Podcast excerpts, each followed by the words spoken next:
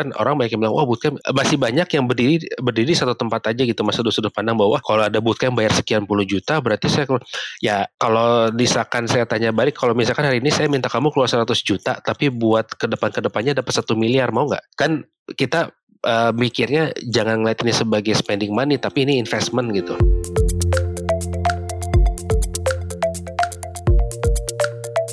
Selamat datang di Ceritanya Developer, podcast yang menampilkan developer, programmer, atau engineer Indonesia inspiratif yang tersebar di seluruh dunia.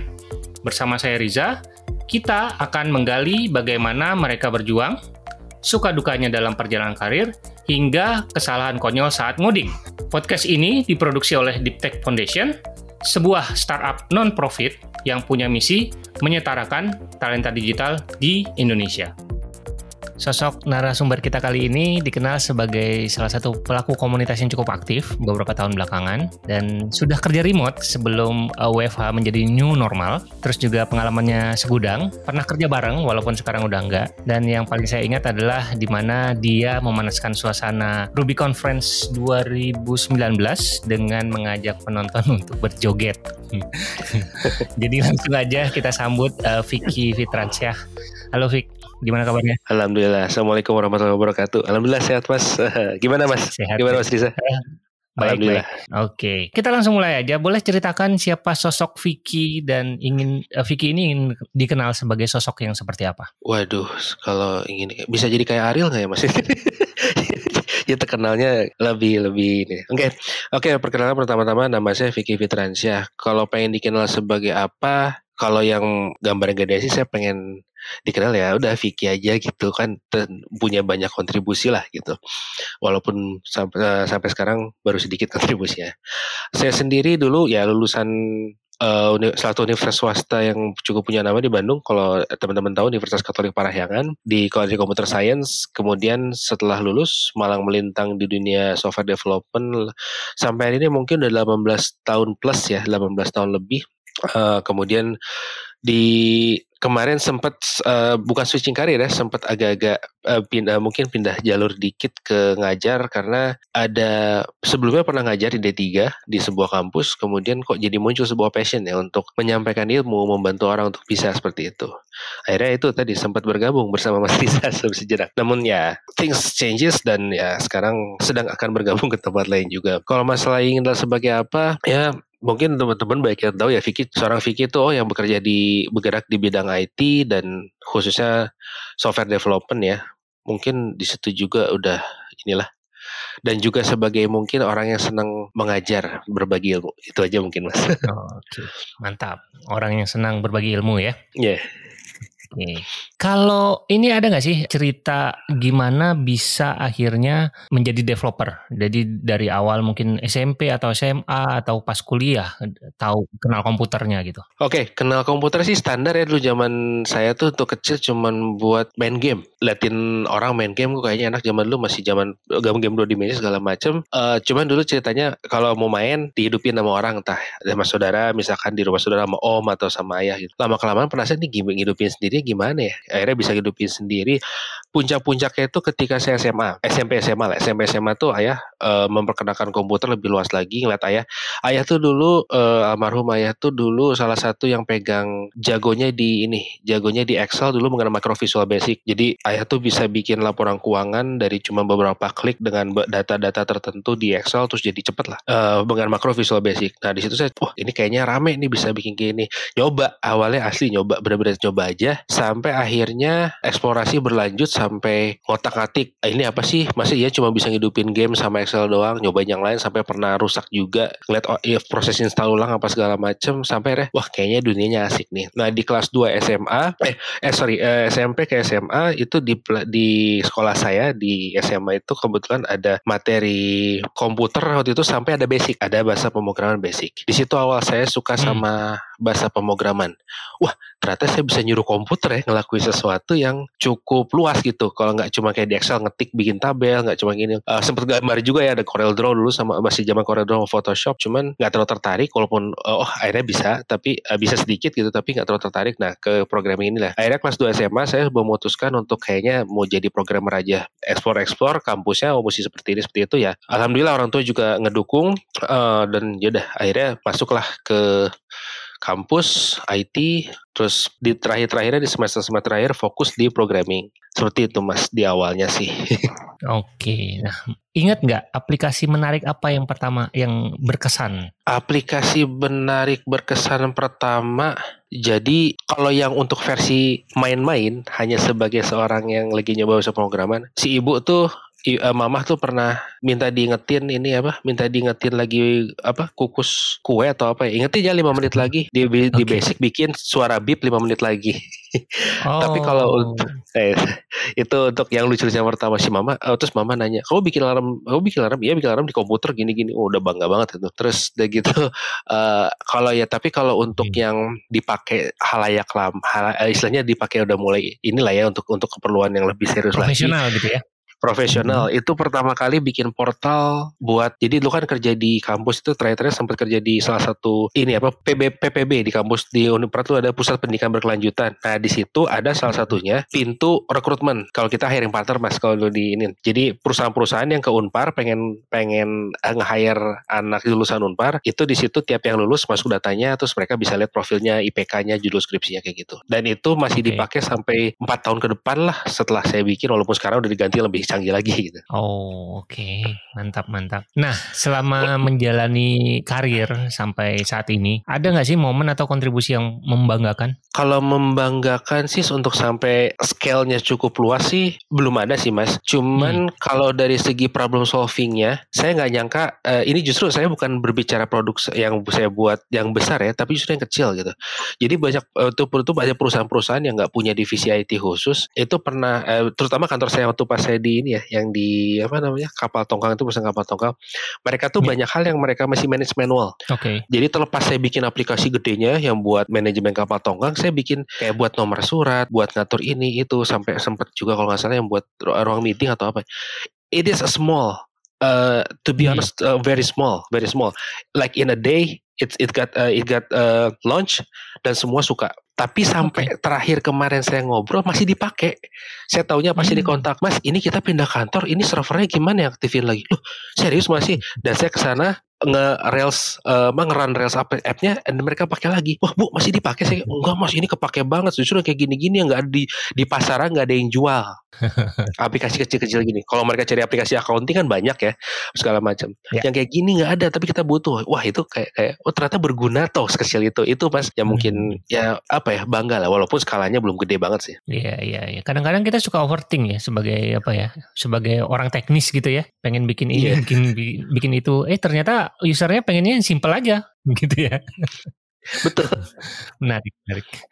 Nah, kalau sebaliknya ada nggak sih apa momen-momen yang memalukan atau kesalahan konyol waktu ngoding, waktu deploy atau waktu ngajar, oh. waktu presentasi gitu? Ada nggak sih?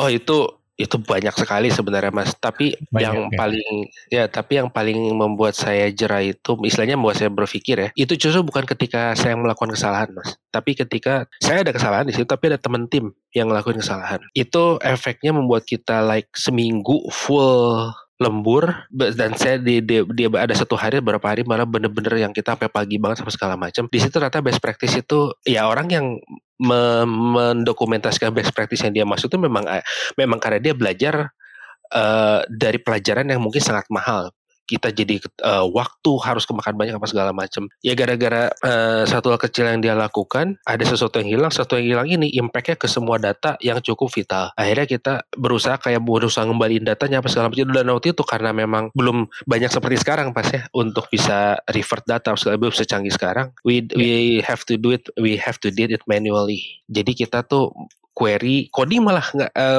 bukan dari sisi coding malah kita coding itu cuma sebentar solve-nya. Tapi query apa segala macam untuk kembaliin data yang serba cross uh, reference sama tabel lain segala macam itu. Dan di situ saya mulai paham oh ya ini sama aja apa bedanya? Kayak orang tua bilang ke anaknya kamu jangan ke sana ya nanti kamu uh, eh kamu nggak boleh ini ya nanti gitu gitu. Dan kita berusaha ngelawan ujungnya kita kena yang dia tuh kan bener kan? Tapi di situ mulai oh ya udahlah kalau memang ada best practice dilihat aja. Di, tadinya nggak terlalu ini ah udah yang penting jalan gitu kan. Itu cukup oh, ini sih. Hmm, jadi apa namanya best practice uh, eh, SOP itu berasa kalau sudah kejadian gitu ya? Sayangnya seperti itu mas. Kalau belum kejadian mah nggak penting ya, nggak butuh buat apa ini memperlambat aja gitu ya. ya masih lancar, masih lancar. oke oke wah menarik sekali. Nah kalau buat Vicky, Vicky ini ada sosok mentor nggak sih? Atau or, seseorang yang dianggap sebagai mentor? Oke, okay. Kalau uh, saya bersyukur banget, alhamdulillah. Uh, yang ngajar saya tuh banyak mas, terutama tuh pas zaman kuliah ya. Jadi saya nggak punya satu mentor khusus atau idola khusus, cuman uh, dari si senior, dosen yang meluangkan waktu buat saya tuh banyak. Itu mungkin salah satu alasan kenapa kemarin saya tertarik untuk jadi ngajar ya mas, untuk kayak give back. Tapi saya kan nggak bisa give back ke mereka gitu. Mereka lebih jago dari saya. Tapi ke yang yang lain. Kalau mentor khusus nggak ada atau idola khusus sih nggak ada sih. Tapi kalau saya boleh berkerucut, saya tuh uh, mengidolakan orang-orang yang uh, dia bukan yang punya ilmu tapi pernah belajar di pengalaman yang sangat beragam dan bersedia untuk sharing. Terlepas dari cara dia sharing okay. mungkin cara dia sharing mungkin ya kita nggak bisa harapin orang jago ya untuk sharing sesuatu tapi dia dia ada punya will, hmm. punya will untuk sharing itu saya senang banget dengan orang seperti itu. Oh, oke. Okay. Banyak ya, mulai banyak ya sekarang juga ya. Mulai banyak. Bermunculan sosok-sosok seperti itu ya. Iya, banyak. Oke. Oke, nah kalau kegiatan saat ini udah bisa di spill belum sih? Uh, ngerjain apa atau oh. uh, dengar-dengar ini ya baru habis pulang dari ini ya dari umroh ya? Waduh ya, nah, ya alhamdulillah itu apa ada rezeki ada rezekinya lah ini ya uh, baru pulang dari sana terus ya lagi ini sih mas kemarin proses-proses uh, apa biasa lah interview rekrutmen alhamdulillah in the end ada ada beberapa sih yang uh, tertarik lah untuk lanjut cuman hmm. insya Allah sama yang satu ini saya belum bisa spill karena memang belum official mas. Yeah. Saya baru say yes, oke. Okay. Oh belum official ya? oh, belum official, mereka belum ini. Cuman insya Allah mulai Maret lah, um, bentar lagi lah insya Allah mulai. Saya udah bilang start. Berarti kembali menjadi uh, software engineer nih, balik developer lagi nih? Yap, tapi agak-agak mungkin kelit mungkin ya, agak-agak strong oh, kelit. iya, iya. oke. Okay. Ya kan kemarin kan sempat apa sempat uh, refreshing sebentar kan jadi uh, apa jadi mentor jadi instruktur kan. Sekarang balik lagi iya. ya. Iya iya. Oke.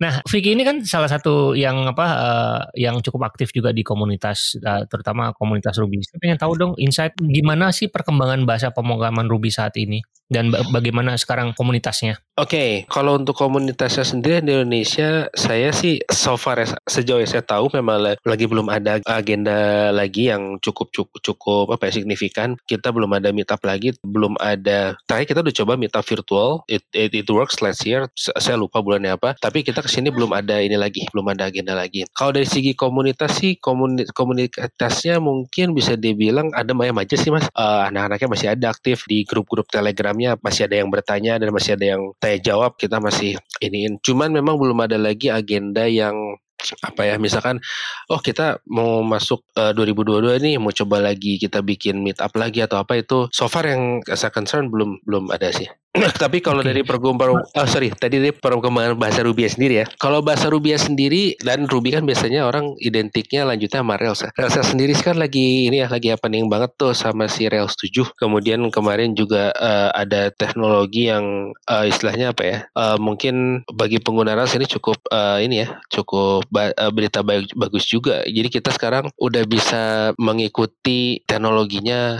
the way seperti yang framework-framework modern sekarang ya yang di apa namanya yang di front end ya gitu. Tuh bisa di teman-teman bisa ekspor tapi uh, saya agak lupa namanya apa kemarin saya baca. Kalau untuk di Ruby-nya sendiri sih mungkin update lebih banyak internal ya dari segi ya biasalah next fashion terus ada sesuatu yang diperbaiki seperti itu kalau dari Ruby sendiri. Kalau dari segi dunia pekerjaan yang memakainya untuk perusahaan-perusahaan asing di luar karena saya ngikutin ada beberapa job portal dan apa segala macam yang Ruby base itu justru makin rame uh, dari segi job opportunity-nya ya ke sini-sini justru makin rame kayaknya makin banyak perusahaan-perusahaan yang lagi berkembang itu pakainya Ruby. Saya masih dapat uh, weekly reportnya itu untuk yang perusahaan-perusahaan yang dari saya lihat, uh cukup banyak juga yang ini kalau di luar negeri ya. Tapi mungkin kalau di Indonesia, kalau di Indonesia sih masih fair lah jumlahnya belum yang signifikan yang lain gitu mas. Oke. Nah, kalau kalau Vicky sendiri nih, misalkan besok diminta untuk bikin produk dari nol gitu, apakah masih oh. mau menggunakan Ruby atau pakai uh, teknologi yang lain? Oh, masih sangat mau, Mas. Untuk the speed of development, oh, masih saya mau. masih ke Ruby. Oke, kenapa? Mungkin bisa di di apa di apa dikasih spoiler lah. Kenapa uh, Ruby ini menjadi pilihan utama? Hmm, Oke, okay. bagi saya pri, oke okay, bagi saya pribadi ya. Uh, yang pertama ini sekali lagi ini bukan bukan ini ini, ini, ini opini ya buat catatan ini opini. Jadi bukan suatu science yang memang pasti gitu. Saya pribadi menikmati pakai Ruby karena saya senang dengan bahasanya. Saya bisa bikin okay. kode yang bahasanya human readable lah bagi saya bisa baca novel itu satu. Terus yang kedua dari segi railsnya itu mm-hmm. banyak membuat kita let's say ya saya sekonyong-konyongnya pernah bikin aplikasi hanya dengan empat kali scaffold, satu kali bikin controller uh, ditambahin view-nya, template ngambil yang gratisan, and, and it and it works dan jadi dan user tuh puas banget, udah kayak yang bikin apaan tahu gitu. Jadi speed of development hmm. sih, walaupun walaupun mungkin ketika kita berbicara tentang uh, scalability, maintainability apa segala macam itu masih banyak yang perlu dilihatkan dan ada satu titik yang bisa jadi kayaknya ini udah nggak bisa pakai Ruby lagi atau REST lagi deh, kita mesti hmm. mau, mau pakai yang lain lagi. Itu sangat memungkinkan. Tapi untuk kick off nya untuk let's say kita ngejar MVP cepat, Ruby bagi saya masih one of the best. Iya, Ruby terkenal Ruby dan Ruby on Rails terutama ya terkenal dengan produktivitasnya. Ya. Jadi kita bisa produktif dengan cepat gitu ya. Betul betul. Oke, okay. nah kalau kita bicara sedikit di luar pekerjaan sehari-hari, uh, ada hobi nggak sih di luar eh, dunia development atau pemrograman? ada mas, Apa saya tuh saya ini fans uh, saya penggemar olahraga sepak bola jadi entah nonton atau bermain saya masih aktif nah. futsal dulu kan sama teman-teman oh. di Activate ya sampai ya. sebelum itulah itu nah kemudian pada pandemi ketika pandemi kita banyak tuh cuma saya di luar masih bikin lagi dan beberapa kesempatan sih hmm. ibarat kata baik di main di saya sendiri atau uh, sama diundang sama temen terus kalau sekarang saya uh, jadi ada punya sedikit hobi baru gara-gara kemarin aja sama istri nyobain. Seneng cok seneng ke alam mas. Jadi kemarin nyobain camping kok kayaknya menyenangkan nih. Kayaknya bakal jadi hobi yang oh, baru ke depan oke. Okay. wah menarik. Maksudnya setelah sekian tahun nih dari SMP kan terakhir saya camping pas kemarin nyobain lagi wah enak juga ya. Di daerah yang nggak ada sinyal bener-bener lost dari uh, off the grid gitu kayaknya menyenangkan juga. Oh saya tahu nih. Anak-anak sekarang kan banyak bilangnya healing ya healing. Bisa jadi gitu. Ya, ya itu sih mas. Uh, jadi kegiatan-kegiatan yang berupa hobi. Okay. di luar di luar pekerjaan sehari-hari ya? Iya iya. Oh ini tahu nih pasti fansnya Manchester United ya? Waduh ketebak rupanya. Iya gimana Manchester United nih ya susah. Udahlah nggak usah kita omongin di sini ya. Panjang nanti ya. beda beda urusannya. Oke, okay. Vicky ini juga cukup sering ini ya apa berbagi insight ya, terutama di di LinkedIn uh, belakangan ini gitu ya. Ada yeah, yeah. Ada sempat yang bahas tentang kenapa bootcamp itu mahal, terus apa gimana cara tips lah, gimana caranya belajar pengurungan dengan cepat kan banyak yang nanya tuh supaya cepat uh, yeah, bisa yeah. gimana caranya. Mungkin bisa di-share di sini juga. Oke, okay. Yang pertama tuh di luar sana saya menemukan banyak cerita yang manis tapi baik cerita yang pahit juga orang-orang sharing soal bootcamp. Awalnya sih gara-gara baca sebuah blog terus saya berusaha tackle uh, di situ eh kenapa nggak saya sharing ya ke tempat yang lain yang mungkin lebih jangkauannya lebih luas. Saya coba share sedikit bahkan ternyata kalau nggak salah saya bikin dua yang terakhir dua bahasa ya bahasa Indonesia bahasa Inggris karena banyak yang lebih ngerti bahasa versi bahasa Indonesia daripada bahasa Inggris. Ya itu saya, saya uh, ini aja sih berusaha untuk dalam beberapa hal entah meluruskan, entah menepis mungkin ya, atau mungkin mendukung sesuatu yang memang memang menurut pengamatan saya benar. Contohnya kan orang banyak yang bilang, wah bootcamp masih banyak yang berdiri berdiri satu tempat aja gitu, masuk sudut pandang bahwa kalau ada bootcamp bayar sekian puluh juta, berarti saya ya kalau misalkan saya tanya balik, kalau misalkan hari ini saya minta kamu keluar 100 juta, tapi buat ke depan ke depannya dapat satu miliar mau nggak? Kan kita uh, mikirnya jangan ngeliat ini sebagai spending money tapi ini investment gitu. Uh, kalau oke okay, kamu sekarang bayar sekian puluh juta tapi kalau depannya kamu bisa mencetak ratusan juta apa kamu nggak pikir ini worth it? Apa bedanya kayak kamu kuliah segala macam? Ini itu sekilas sih walaupun bungkusannya masih banyak lagi Terus banyak orang yang ngelihat bootcamp juga kita bayar tuh mereka tuh seperti kayak datang ke restoran mas. Saya bayar sekian, saya minta dilayani jadi gitu. Uh, minta kayak atau beli barang gitu, ada segala macam. Oh bukan, ini kita uh, di bootcamp ini saya ngeliat ya kamu mengeluarkan uang itu untuk kita uh, lebih ke arah memberikan kamu apa yang selama ini kamu mungkin kesusahan untuk menguasakan mengusahakan itu uh, kedisiplinan tiap hari, kemudian kerapihan material, kemudian ada ujiannya juga, ada evaluasinya juga, sampai ke tanya jawab on one-nya juga. Jadi kalau ada yang nanya, kita bisa dong belajar sendiri? Bisa.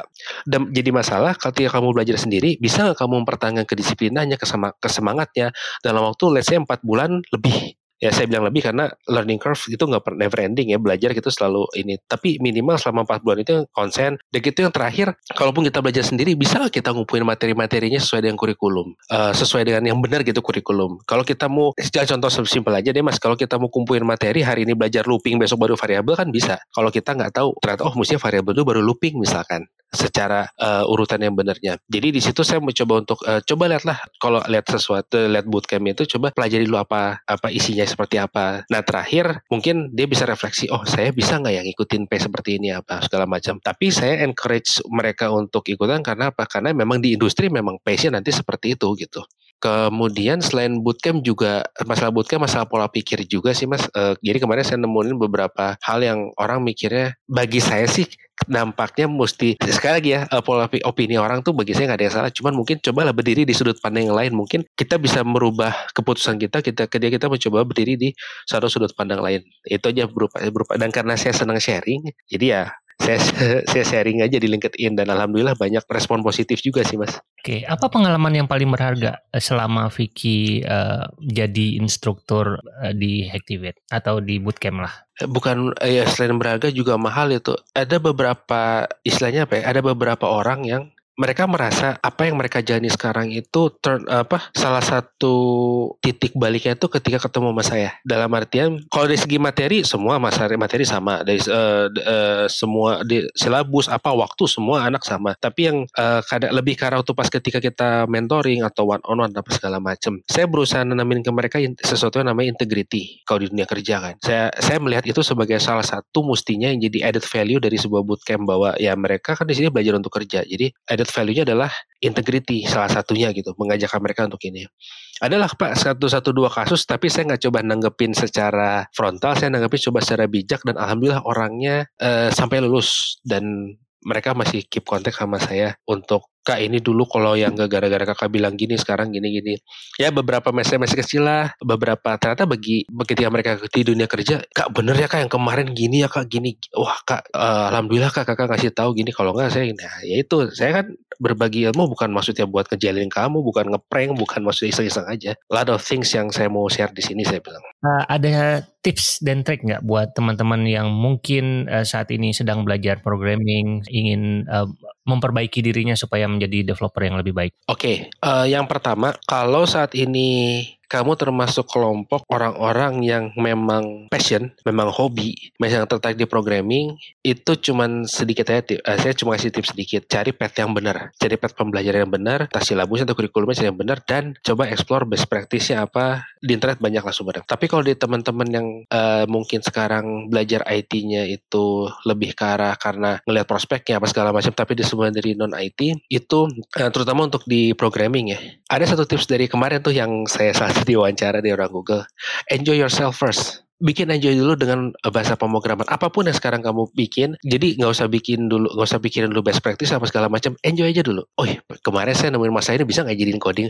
Kadang-kadang kita menemukan kita makin jatuh cinta tuh ketika kita kemarin ada sesuatu ini yang pernah saya bisa nggak ya dibikin pakai program? Pas kita bikin berhasil gitu. Tapi dengan catatan uh, ada sedikit sifat never give up ya. Jadi oh kalau mentok mentok tuh sangat wajar. Di belajar programan saya nggak belum pernah dengar ada satupun bahkan udah sekelas programmer Google nggak pernah mentok nggak buka-buka dokumentasi itu pasti ada aja gitu. Nah jadi biasakan dengan hal yang bagus. Nah nanti ketika kamu udah selevel sama teman-teman yang memang passionate, yang memang udah bener ini banget sama programming. Nah sambil jalan uh, lanjutin ke uh, best practice best practice yang lainnya. Karena jangan sampai bikin kesalahan besar seperti saya dan beberapa teman-teman yang terlalu asik dengan hal yang ah kayaknya ini nggak usah best practice jalan-jalan sih ini sebenarnya gini. Tapi ternyata ketika tuh saat kita mau masuk sesuatu yang bigger yang mungkin membuat kita akan membuat kita move on ke satu level dalam segala ini ya dalam segala sisi ya baik dari segi salary dari segi jabatan role impact segala macam lebih besar kita nggak qualified karena kita selama ini belum pernah ketemu dengan yang best practice itu so apa namanya use your time wisely gitu dan cari materinya yang wisely juga gitu Mungkin itu mas. Oke ya, jadi di awal itu temukan aha momen dulu ya. Bisa bilang gitu mas, betul. Iya, itu kayaknya banyak orang yang mungkin butuh itu dulu sebelum menekuni gitu ya. Kalau misalkan kalau saya reflect ke zaman kuliah dulu, begitu kuliah langsung dihadapkan dengan layar apa uh, terminal gitu ya, disuruh ngoding Pascal kah sih atau apa itu uh, stresnya minta ampun gitu. Walaupun sebelumnya udah belajar programming juga kan, tapi karena udah ketemu aha momen duluan, akhirnya itu yang memotivasi kita untuk terus walaupun kita mentok kita terus belajar gitu ya.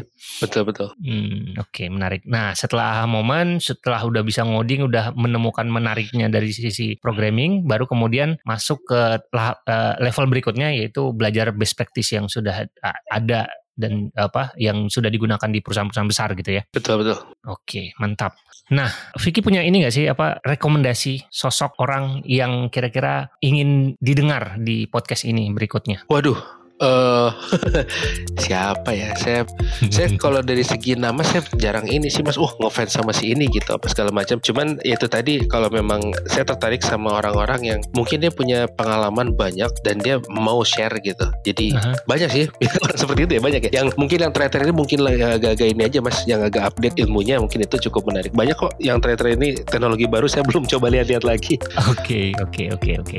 Sip kalau gitu. Oke kalau gitu terima kasih banyak Vicky atas uh, waktunya dan atas ceritanya yang menarik. Sama-sama Mas. Uh, sukses terus untuk karir dan kehidupan. Alhamdulillah. Amin amin. Makasih Mas sama Mas Irza juga. Kritik dan saran bisa dilayangkan ke rizafahmi at gmail.com atau mention lewat Instagram ditek.id dengan hashtag ceritanya developer. Jangan lupa support podcast ini dengan berdonasi lewat karyakarsa.com slash rizafahmi atau beli merchandise ceritanya developer di www.ciptaloka.com slash plus rizafahmi. Sampai jumpa lagi di episode berikutnya. Bye!